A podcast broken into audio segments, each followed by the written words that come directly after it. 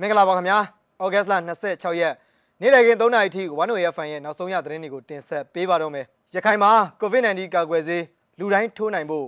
ရခိုင်တပ်တော် AA ကကြိုးပမ်းနေတယ်လို့သိရပါတယ်ချင်းပြည်နယ်မှာတော့ဂျမ်ဘတ်စစ်ကောင်စီကသတိပေးစာလိုက်ကတ်နေခြင်းဟာရည်ရွယ်ဖြစ်နေတယ်လို့ဒေသခံတွေကဆိုလိုက်ပါတယ်ကြံ့ခိုင်ရေးပါတီဝင်တွေကပလဲမြို့နယ်ကနေအိမ်တစ်လုံးကိုအကြောင်းမဲ့ဝင်ရောက်ဖျက်ဆီးသွားတယ်လို့သိရပါတယ် ဒီသတင်းတွေနဲ့အတူဒီကနေ့နေ့လယ်ပိုင်း3နာရီထိနောက်ဆုံးရရှိတဲ့သတင်းတွေကိုတင်ဆက်ပေးမှာပါပထမဆုံးအနေနဲ့တင်ဆက်ပေးခြင်းတဲ့သတင်းတစ်ပုဒ်ကတော့ COVID-19 ကာကွယ်ဆေးထိုးထားတာဟာမိမိပတ်ဝန်းကျင်ရက်ရွာနဲ့တိုင်းပြည်ရဲ့ COVID-19 ရောဂါကြိုတင်ကာကွယ်တားဆီးရမှာအထောက်အကူပြုတဲ့အတွက်အခွင့်အရေးရလို့ရှိရင်ကာကွယ်ဆေးထိုးနှံရဖို့လူတိုင်း COVID-19 ကာကွယ်ဆေးထိုးနှံပေးနိုင်ဖို့ကြိုးပမ်းဆောင်ရွက်နေတယ်လို့ရခိုင်တပ်တော် AA ကပြောဆိုလိုက်ပါတယ် ရခိုင်တပ်တော် AA ကဒီကနေ့ဩဂတ်စ်လ26ရက်ထုတ်ပြန်တဲ့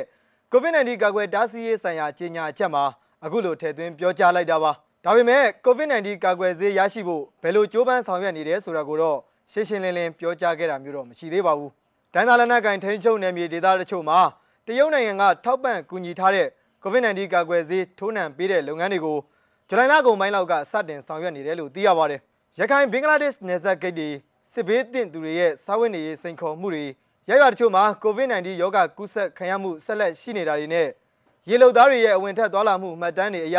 COVID-19 နဲ့ပတ်သက်ပြီးမပေါ်ဆကြဖို့ AA ကတိုက်တွန်းထားတာပါရခိုင်ပြည်နယ်မှာ COVID-19 တတိယလှိုင်းတွင်မှာဩဂတ်25ရက်အထိ COVID-19 ရောဂါပိုးတွေ့တဲ့လူနာ3914ဦးရှိပြီးတော့တည်ဆုံးတဲ့သူကတော့380ဦးရှိတယ်လို့ AA ရဲ့ထုတ်ပြန်ချက်မှာဖော်ပြထားပါတယ် နောက်ထပ်သတင်းတစ်ပုဒ်အနေနဲ့ချင်းပြည်နယ်တွင်းမှာရှိတဲ့မြို့နယ်တွေမှာအကြမ်းဖက်စစ်ကောင်စီတပ်သားတွေက CDF တွေသိရှိစေရန်ကျေးရွာစွန့်ခွာဒေသခံတွေသိရှိစေရန်ဆိုပြီးအများပြည်သူတွေသိရှိစေဖို့ခေါင်းစဉ်တက်ထားတဲ့စာရွက်တွေလိုက်လံကတ်ထားပြီးကြေညာထားတာဟာရည်စရာတစ်ခုပေါ်မှာဖြစ်နေတယ်လို့ဒေသခံတွေကပြောဆိုလိုက်ပါတယ်ကျမတို့တွေအားလုံးမြို့ပေါ်ကနေထွက်ပြေးကြတယ်အိမ်မှာဦးလေးတယောက်ပဲဝက်ဒီကြက်တွေအစာကျွေးဖို့ဆိုပြီးကြံခဲ့တယ်အဲ့ဒီမှာစားကားစားတွေကင်းလဲတော့တွေ့ပြီးအားလုံးကပြေးကုန်တယ် မင်းကမပြေးဘူးလားဆိုပြီးတောထဲကသူတွေကိုသတင်းပေးဖို့လားဆိုပြီးရိုက်နှက်သွားကြတယ်ဒါကြောင့်ဒီလိုထုတ်ပြန်ချက်ကရည်စရာဖြစ်နေတာလို့စစ်ဘေးရှောင်အမျိုးသမီးတူကပြောပါတယ်စာရွက်တွေမှာတော့ဖုန်းနံပါတ်တွေဖော်ပြထားပြီးအကြမ်းဖက်လုပ်ငန်းမှာပါဝင်မှုမရှိတဲ့အပြစ်မဲ့ပြည်သူတွေအနေနဲ့နေအိမ်စွန့်ခွာထွက်ပြေးဖို့မလိုအပ်ကြောင်းသိရှိစေလိုပါတယ်လို့ရေးသားထားတဲ့အကြောင်းဒေသခံတွေထံကသိရပါတယ်။ဒါ့အပြင်ရွာလုံးကျုပ်ထွက်ပြေးခဲ့ရတဲ့ခရီးရင်ရွာသားတဦးကလည်းစစ်ကောင်စီတပ်တွေကအခုရက်ပိုင်းရွာတွေဘက်ကိုနယ်မြေရှင်းလင်းရေးလုပ်နေတယ်။ သူတို့ကရွာထဲကိုမဝင်ခင်တည်းကလက်နက်ကြီးတွေနဲ့ရမ်းပြီးတော့ပြစ်ပြီးမှဝင်လာကြတာ။ဘယ်သူကနေရဲမှလဲလို့သူကပြောဆိုတာပါ။စစ်ကောင်စီတပ်သားတွေလိုင်းလံကတ်နေတဲ့ကြေညာစာထဲမှာတော့ NLD ပါတီအနေနဲ့2020ရွေးကောက်ပွဲမှာမဲလိမ်မဲခိုးကလင်ကကြစ်လှုပ်ဆောင်ခဲ့တာကြောင့်လက်ရှိချိန်မှာမဲခိုးပါတီဖြစ်ရောက်ရှိနေပြီလို့လည်းရေးသားထားတာကိုတွေ့ရပါတယ်။နောက်ထပ်ပြည်သူ့ကာကွယ်ရေးတပ်တွေဖြစ်တဲ့ CDF အဖွဲ့တွေကလည်းအကြမ်းဖက်အဖွဲ့တွေဖြစ်လို့လက်စတုံးချိန်မုံပြစ်မယ်လို့ပြောဆိုထားတာကိုလည်းတွေ့ရပါတယ်။ နောက်ထပ်တင်ဆက်ပေးခြင်းတဲ့သတင်းတစ်ပုဒ်ကတော့စကိုင်းတိုင်းဒေသကြီးရင်းမာပင်ခရိုင်ပလဲမြို့နယ်တနယ်ကျေးရွာမှာရှိတဲ့နေအိမ်တစ်လုံးကိုတရွာထဲနေကြန့်ခိုင်ရေးပါတီဝင်တွေကဩဂတ်စ်လ25ရက်ည10:00နာရီချိန်လောက်မှာအကြောင်းမဲ့ဝင်ရောက်ဖျက်ဆီးခဲ့တဲ့အကြောင်းကာယကံရှင်ဖြစ်သူအင်ရှင်အမျိုးသားကမစ္စည်းမကိုပြောပါတယ်ည10:00နာရီဝန်းကျင်ချိန်လောက်မှာလမ်းမီးတွေပိတ်ပြီးတော့လူအယောက်30လောက်ခဲနဲ့ထုတယ်ပြီးတော့အိမ်ထဲကိုဝင်ပြီးတော့ဖျက်ဆီးသွားတာ TV တွေဘာတွေပစ္စည်းတွေအကုန်ဖျက်ဆီးသွားတာခဲနဲ့ပေါက်တဲ့အချိန်ကျွန်တော်တို့လည်းတနေရာကိုထွက်ပြေးရတယ်အိမ်သားတွေမထိလို့တော်သေးတာဗောလို့နေအိမ်ဖျက်ဆီးခံရတဲ့အိမ်ရှင်ကပြောပါတယ်အဲ့ဒီလိုဝင်ရောက်ဖျက်ဆီးတဲ့အတွက်ကြောင့်နေအိမ်အမိုးသွတ်တွေပေါက်ပြဲတာနဲ့အိမ်ထဲမှာရှိတဲ့ပစ္စည်းတွေပျက်စီးသွားခဲ့တာဖြစ်ပါတယ်ပြီးခဲ့တဲ့ဩဂတ်လဆန်းပိုင်းကတနေကျေးရွာစစ်ကောင်စီခန့်အုပ်ချုပ်ရေးမှူးဦးအောင်ရွှေရကိုအမည်မသိလူတစုကလာရောက်လှုပ်ကြံမှုဖြစ်ပွားခဲ့ပြီးသူကတော့အသက်ဘေးကနေလွတ်မြောက်ခဲ့ပါတယ်ဒီဖြစ်ရပ်နဲ့ပတ်သက်ပြီးတော့အထင်မှားက ကြက်ခိုင်ရေးပါတီဝင်တွေကနေအိမ်ကိုအခုလိုလာရောက်ဖျက်ဆီးတာဖြစ်တယ်လို့အင်ရှင်ကမှတ်ချက်ပြုပြောဆိုပါတယ်ရွာရဲ့ဒလိထုံနှံ့ရရွာကကျေးရွာကျောင်းကဘုန်းကြီးတွေရဲ့ရက်မိရက်ဖတွေနဲ့ညှိနှိုင်းတော့အယောမပေးနိုင်တဲ့အပြင်ကြိုက်တယ်လို့လုံနိုင်တယ်ဆိုပြီးစိန်ခေါ်တဲ့ပုံစံမျိုးပဲပြောသွားတယ်ဗျာလို့သူကပြောဆိုပါတယ်နေအိမ်ဖျက်ဆီးမှုမှာကြက်ခိုင်ရေးပါတီဝင်လူတစုရဲ့လက်ချက်ဖြစ်ကြောင်း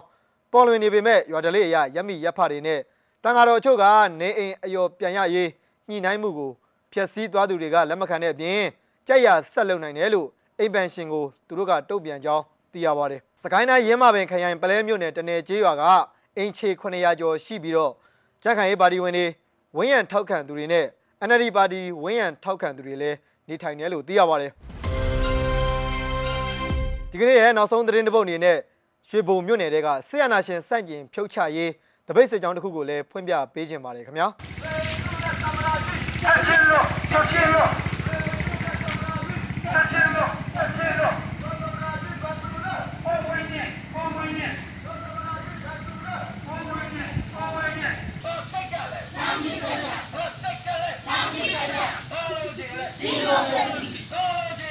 হবে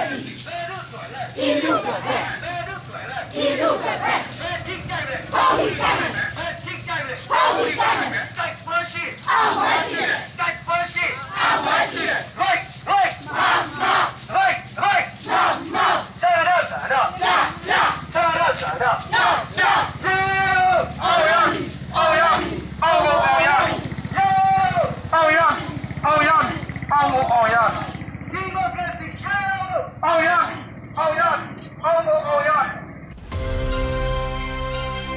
ဩဂတ်စ်လ26ရက်နေ့လည်ခင်း3နာရီထိနောက်ဆုံးရရှိတဲ့သတင်းတွေကိုတင်ဆက်ပေးခဲ့တာပါ